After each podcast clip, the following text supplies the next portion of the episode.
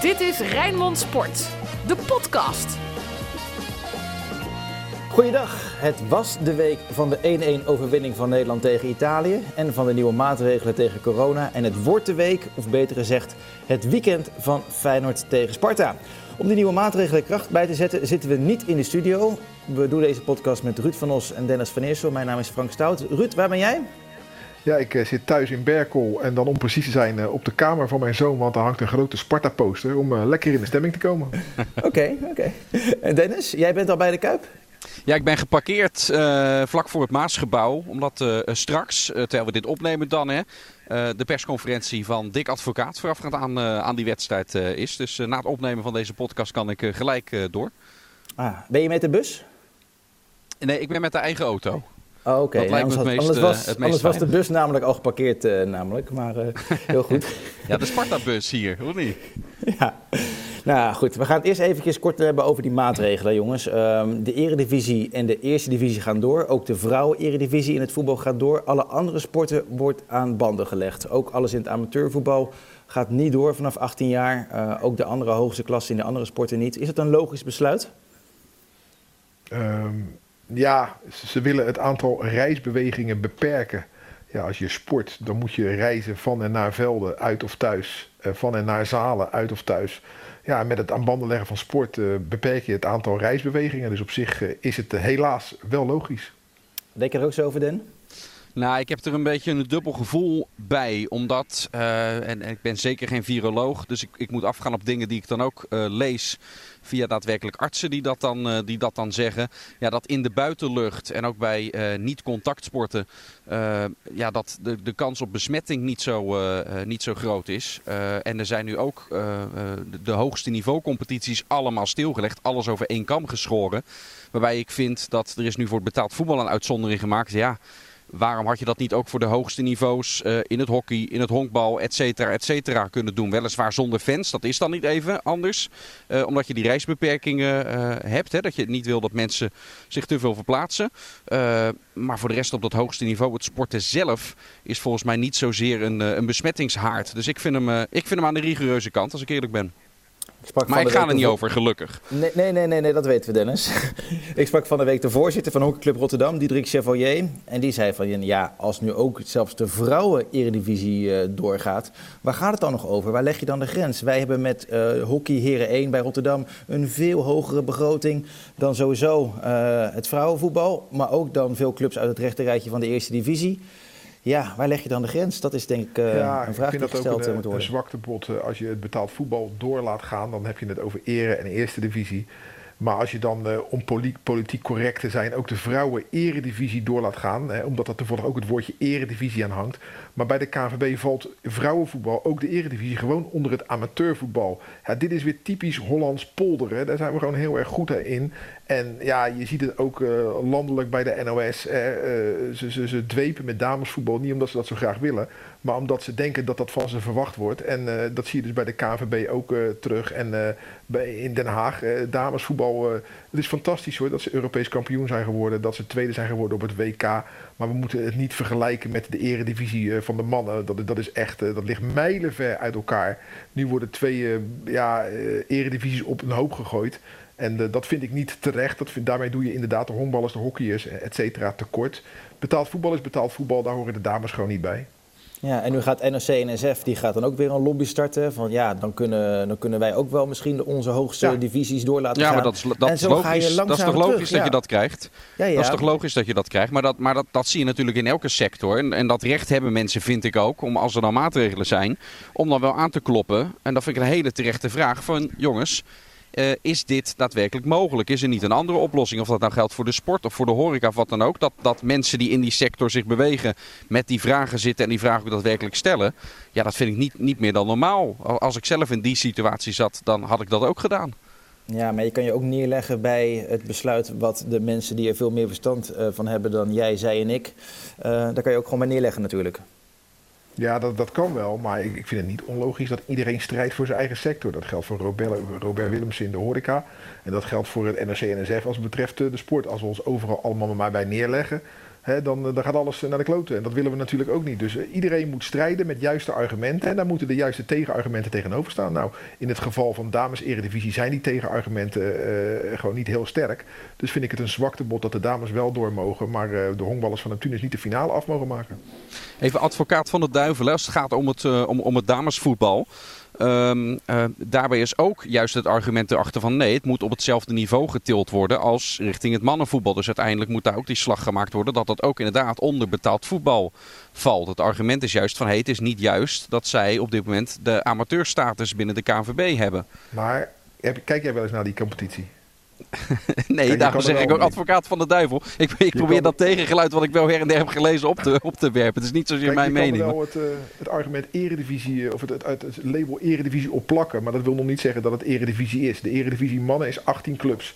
En zijn op een bepaald uh, niveau dat het het aanschouwen gewoon waard is. Vrouwenvoetbal loopt achter in die ontwikkeling. Dat is geen verwijt aan de vrouwen, dat is nou eenmaal zo.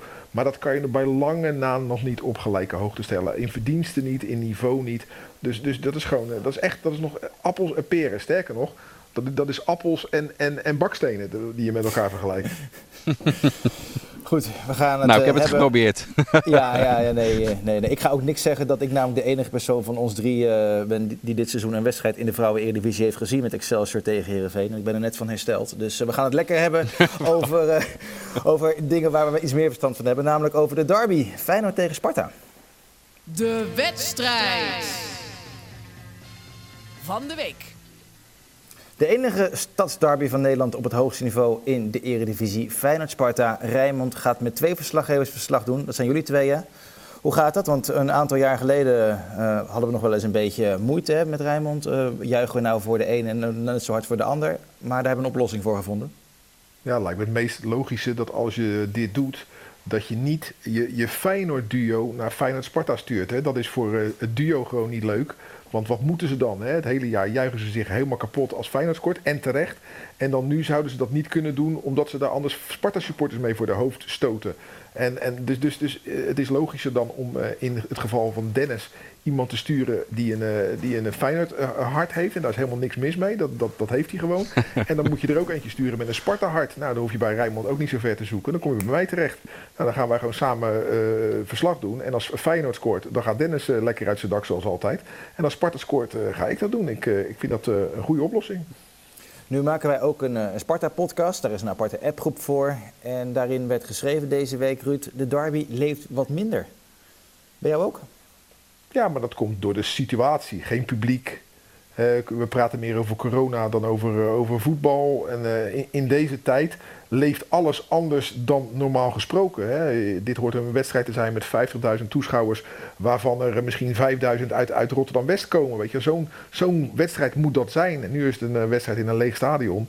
En uh, zijn er supporters die niet eens gaan kijken of luisteren. En die gaan met hun uh, partner wandelen in het bos of, of over het strand. En die horen na afloop de uitslag wel. Ja, tuurlijk is dat anders, die beleving. En dat geldt, dat geldt dan uiteraard ook uh, voor ons. Wil niet zeggen dat we ons best niet gaan doen en dat we niet gaan schreeuwen. Maar het zal wel heel raar zijn hoor, als Sparta scoort, dat ik daar in mijn eentje zit te schreeuwen in die kuip. Feyenoord, daar gaan we het eerst even over hebben. Dennis, aan jou het woord, maar Ruud praat vooral mee. Uh, zijn problemen in de spits, hè? Bozenik, die raakte geblesseerd bij Slowakije. Ja. Jurgensen is op de weg terug. Maar Linse weer in de basis? Ja, dat lijkt me logisch. A, omdat het natuurlijk in Tilburg hartstikke goed ging voor, uh, voor Feyenoord. En daarbij opgeteld uh, de problemen die jij, die jij nu aanstipt. dat ja, moet je met Jurgensen überhaupt het risico nemen. Stel al wordt er ehm, zaterdag na de afsluitende training gezegd van ja, die liesklachten zijn dermate weg. We durven het aan. Hij kan bij de selectie zitten. Ja, ga je hem dan met zijn blessureverleden meteen in de basis zetten? kan dat me haast niet voorstellen. Dat je dat risico ook neemt. Bozeniek, ik begrijp dat ze echt wel een beetje in de rat zitten. Dat dat misschien wel een kwestie is van een, uh, van een paar weken sowieso. Dat hij, dat hij moet herstellen. Daar moet op een gegeven moment meer duidelijkheid over, over komen. Ook als, als die helemaal onderzocht is. wat deze vrijdag gebeurt. maar ja, dan heeft Feyenoord eigenlijk geen echte spits. dus ja, dan, dan moet je wel terugvallen op een van die andere jongens op die positie. En dat is al een keer gedaan met Lins en toen liep het goed af voor Feyenoord. Dus ja, dan zie je het heel vaak in de voetballerij. Dan wordt dat gewoon herhaald. Maar Bozenik gaat niet spelen, maar die had toch als hij fit was geweest ook niet gespeeld. Ik bedoel, Feyenoord heeft dus nu eigenlijk gewoon geen reservespits. Want hij had toch op de bank gezeten. Advocaat is gewoon niet gecharmeerd van hem. Dat laat hij, ja, vind ik, te veel blijken. Ja, te veel ja? Ja, ik vind het wel. Als jij Berghuis aanspreekt op zijn externe communicatie, dat hij niet te veel naar buiten mag praten over hoe het intern gaat. Ja, dan vind ik dat advocaat wel de hand in eigen boezem mag steken. En ook wat minder uitgesproken mag zijn over de kwaliteiten van, van Bozeniek. En dat zegt hij dan misschien niet met zoveel woorden. Maar zijn blikken en stiltes op het moment dat er naar gevraagd wordt, vind ik wel uh, heel veelzeggend.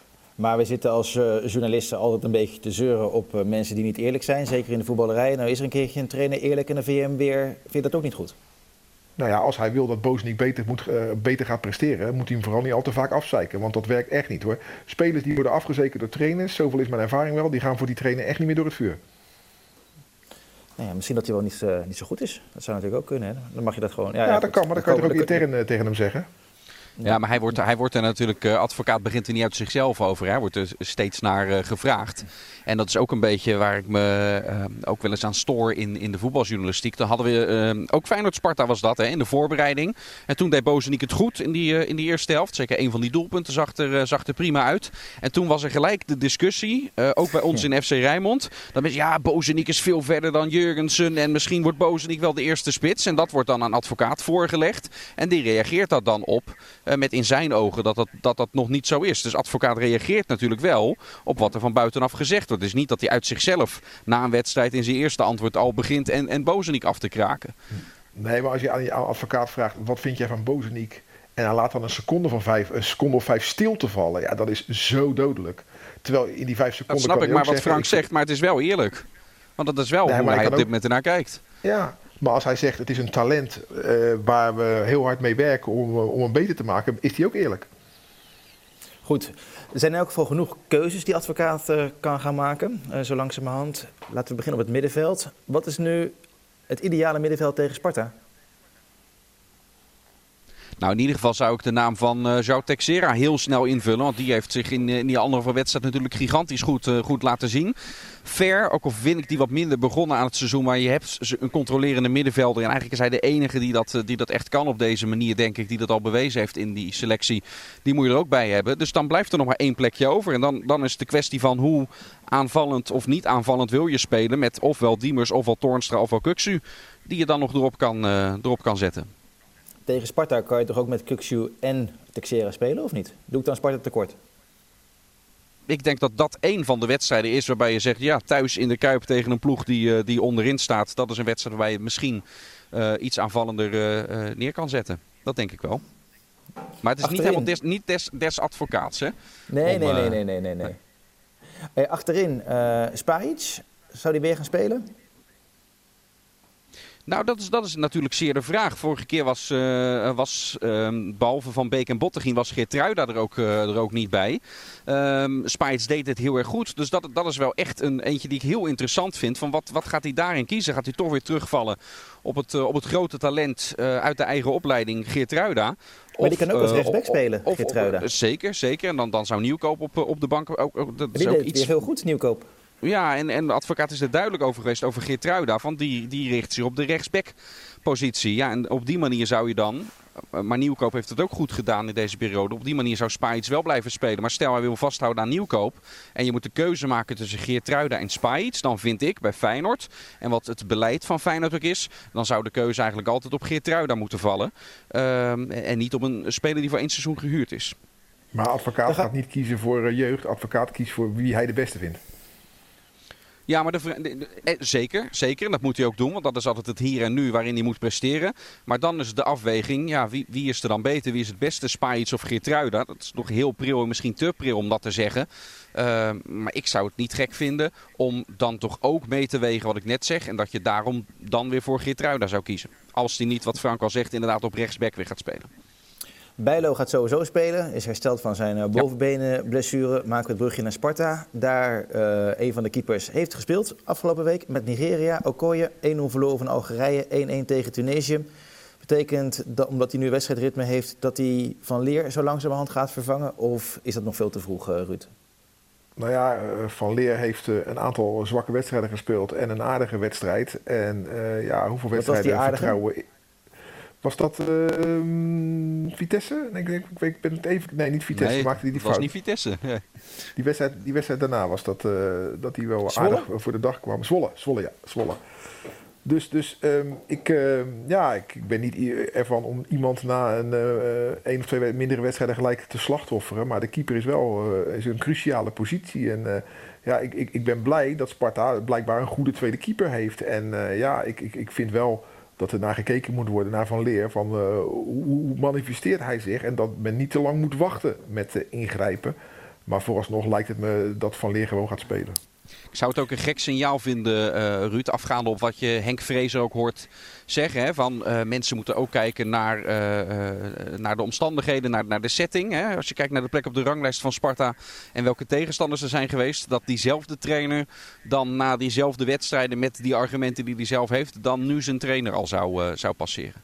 Ik denk niet dat hij dat gaat doen. Ja. Ja, Ja. ja. Nu hebben je had wij, ook die 4-4 de 4-4 tegen AZ.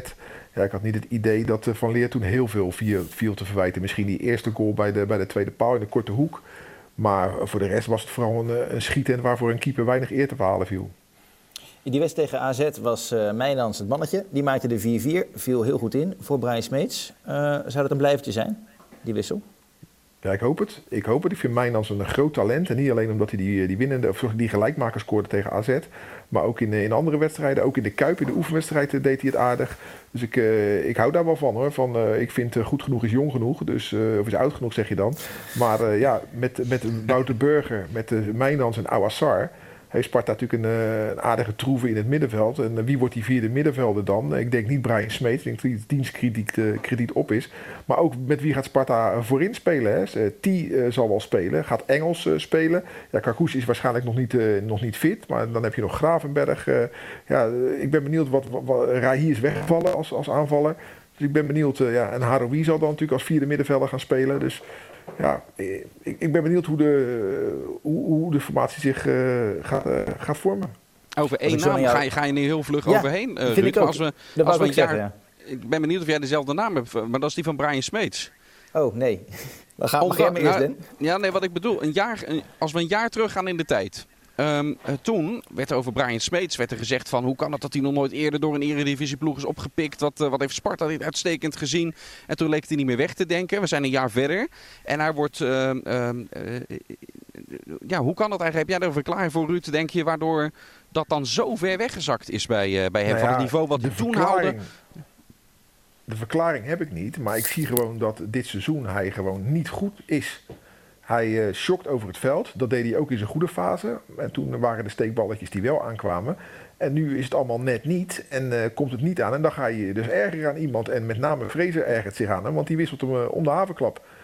Dus, dus ik denk dat het krediet na de 4-4, toen werd hij ook gewisseld, dat, tegen AZ, dat het dat, gewoon op is. En de, ja, met Burger, ik zeg het, Haroui, eh Awassar. Ja, ik vind dat vier goede alternatieven.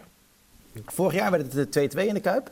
Ik denk alleen nu dat het krachtsverschil groter is. Hè. Feyenoord speelde toen onder Jaap Stam. Even een klein statistiekje erbij halen uit Amerika.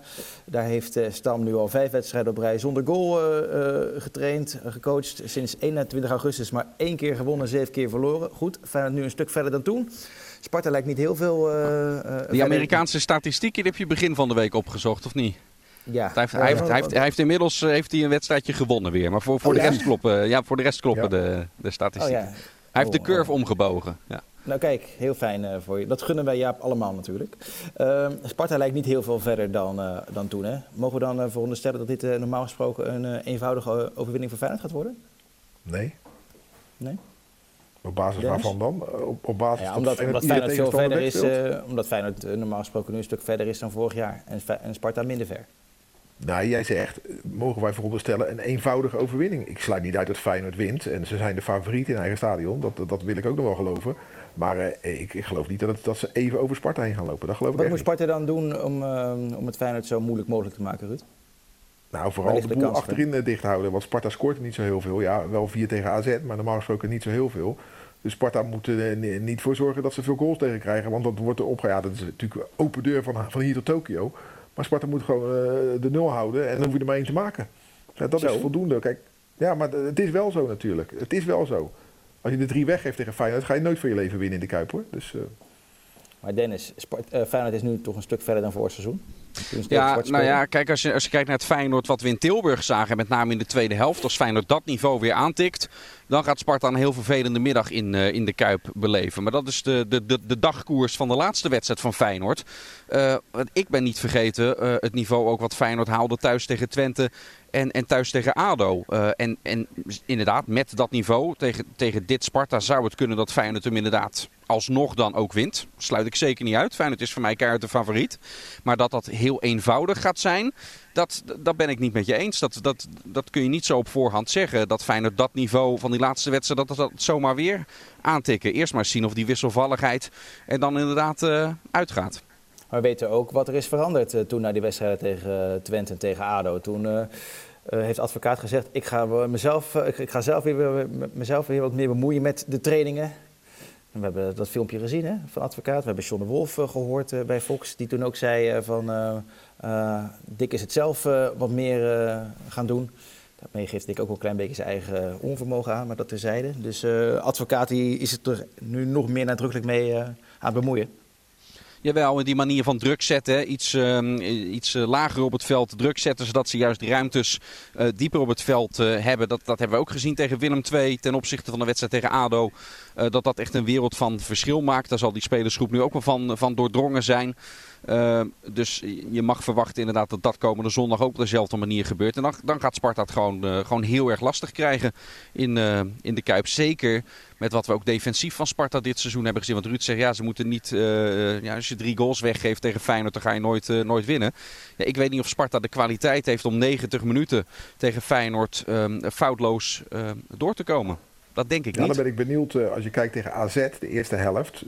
Zo'n zo, zo, zo Jeffrey Fortes... Ja, het leek alsof die, die had beter een AZ-shirt aan kunnen doen. Weet je, als je dat soort spelers erbij hebt lopen zondag in de Kuip... Ja, dan is het gewoon een kansloze missie. Ik bedoel, uh, het zal echt, Sparta zal een hele goede dag moeten hebben. Maar dat kan natuurlijk wel dat je een hele goede dag hebt. Normaal gesproken in de Kuip speel je ook nog tegen een legioen dat zwaar tegen je is. En, en, en een, een pro-Feyenoord sfeer en een anti-Sparta sfeer neerzet. Ja, dat is nu niet zo. Dus een, een goede dag van Sparta onder deze omstandigheden... zou best wel eens tot succes kunnen leiden hoor. Dus het blijft in elk geval ook voor ons een hele bijzondere wedstrijd. Vorige keer in die Sparta-podcast, Ruud, wilde jij nog een mooie herinnering ophalen. En toen maakte je een link met Manchester City. Zo'n ja. beetje aan het eind van de podcast. Kan je dat verhaal nog ja, nee, doen? Uh, toen ging het over uh, uh, mooie momenten die je, als je aan Feyenoord-Sparta denkt. als ik aan Feyenoord-Sparta denk, een heleboel mensen zullen zeggen... ja, Noordi Bukari uh, aan het eind van de, van, de, van de vorige eeuw. Maar mooier vond ik in 1981, augustus 81, uh, Feyenoord-Sparta. Toen was het bij rust 2-0 voor Feyenoord. En de einduitslag was 2-4. Sparta dat speelde uh, onder leiding van trainer Barry Hughes. Onder andere Wout Holvendaar, Ronald Lenkeek scoorde. Geert Meijer scoorde. En Sparta speelde toen in het lichtblauw met witte broeken... van het prachtige Engelse merk wat toen nog bestond, Admiral... En toen zei Barry Hughes na afloop: We hebben gewonnen van Feyenoord in shirts van fucking Manchester City. Ja, en dat was. Uh, ja, Barry Hughes was natuurlijk iemand die heel leuk was, zeker op het moment dat hij won. Ja, en die overwinning. Uh, toen, ik was daar uh, als jongetje van, uh, van 12 toen niet bij. Ik was aan het buitenvoetballen in Spangen met mijn vriendjes. En een vader van een vriendje van mij hing uit het raam en die riep naar buiten, want het was een woensdagavondwedstrijd, 2-0 achter. Nou ja, toen gingen we lekker doorvoetballen, want toen interesseerde het ons niet meer. Maar toen kwam hij uit het raam en zei hij 2-1. En toen zei hij 2-2. En toen zijn we naar boven gegaan om naar de radio te luisteren. En toen hoorden we ook nog de 2-3 en 2-4. En zo herinner ik me ook die wedstrijd. En toen mocht ik opblijven om s'avonds bij Studiosport de samenvatting te mogen zien. Anders had ik hem niet eens mogen zien. Ja, legendarisch voor mij. En voor alle Spartanen. Heb jij, want we hebben dit niet voorbereid, deze vragen, Dennis. Maar wat is jouw eerste mooie Feyenoord-Sparta-herinnering? Nou, ik, ik was al een paar keer in, in, uh, in de Kuip geweest uh, met losse kaarten. En ik had, nam voor het eerst een seizoenskaart in het seizoen 2001-2002. Gelijk neus in de boter, want dat was uiteindelijk het jaar dat Feyenoord de UEFA Cup won. Uh, en toen was de eerste wedstrijd van het seizoen was er eentje thuis tegen, tegen Sparta. en toen haalde Feyenoord echt een hoog niveau. Echt een paar mooie goals ook erbij. Combinaties tussen, tussen Thomasson en, en Van Hooijdonk. Dus dat vond ik, vond ik een hele mooie editie. Later in dat seizoen op het kasteel. Die, die staat me ook nog, nog bij met één, één kopgoal met de kleine Victor Cross. En Van Hooydonk die ogenschijnlijk zonder te springen. Van Hooydonk trouwens de gast in FC Rijnmond ook deze vrijdag. Hè, terug te kijken als je later de podcast terugluistert. Maar het leek wel alsof Van Hooydonk niet sprong en Cross wel. En toch kon hij die bal toen, uh, toen, toen inkoppen. Zo herinnerde ik hem. De beelden later vertekenen een beetje. Dat, dat, hoor je soms in het radioverslag ook. Als een bal net naast is en in de samenvatting zie je dat het 4 meter naast was. Dus dat, dat zit er nog steeds. Maar zo herinner ik het mij van destijds. Wij gaan ons dan ook voor opmaken over een hele mooie derby Feyenoord tegen Sparta. De voorbeschouwingen met gesprekken vanaf het kasteel en vanuit de Kuip zie je vrijdag, dus uh, vrijdagmiddag al bij ons op de website. In de avond FC Rijnmond met Pierre van Hooijdonk. Mannen, jullie verheugen je enorm op de wedstrijd, denk ik, ten slotte. We zijn, uh, we zijn er klaar voor, toch? Wij als Rijnmond zijn. Ja, nou, weet je, het is zeker onder deze omstandigheden dat uh, bezoek aan voetbal voor supporters uh, niet mogelijk is. Nou, wij zijn behalve verslaggever natuurlijk ook voor supporter, daar hebben we het in het begin al over gehad. Wij mogen er wel bij zijn, dus ik voel me zeer bevoorrecht. En uh, ja, ik ben ook erg blij dat ik naar dat duel toe mag en ik ga ook zeer mijn best doen. En ja, ik vind nog wel, Dennis, dat wij er toch nog wat op moeten zetten hoor. Als wij dan toch zo duidelijk kant kiezen, jij als Feyenoord en ik als Spartaan. wat gaan we doen? Ik vind dat ik recht heb op winst van Sparta en gelijkspel. En dat jij winst van Feyenoord mag hebben, gezien de favoriete status van Feyenoord. En als Feyenoord wint, was ik jouw auto. Als Sparta gelijk speelt of Sparta wint, dan was jij mijn auto. Oeh, Dennis heeft wel een grotere auto, in oppervlak in elk geval. ja, en, uh, en, hij is heel, en hij is heel lang niet door de wasstraat geweest. Dus het is, uh, nou, het is hard nodig. gezien. nou, dat is goed. Ja? Ja. Nou, maar de krassen, zijn, de krassen zijn voor jouw rekening, hè, als, ik hem, als ik hem gewassen heb. toch, even een F, toch even een F erin achterlaten. Hij staat. Oh, okay. Mooi.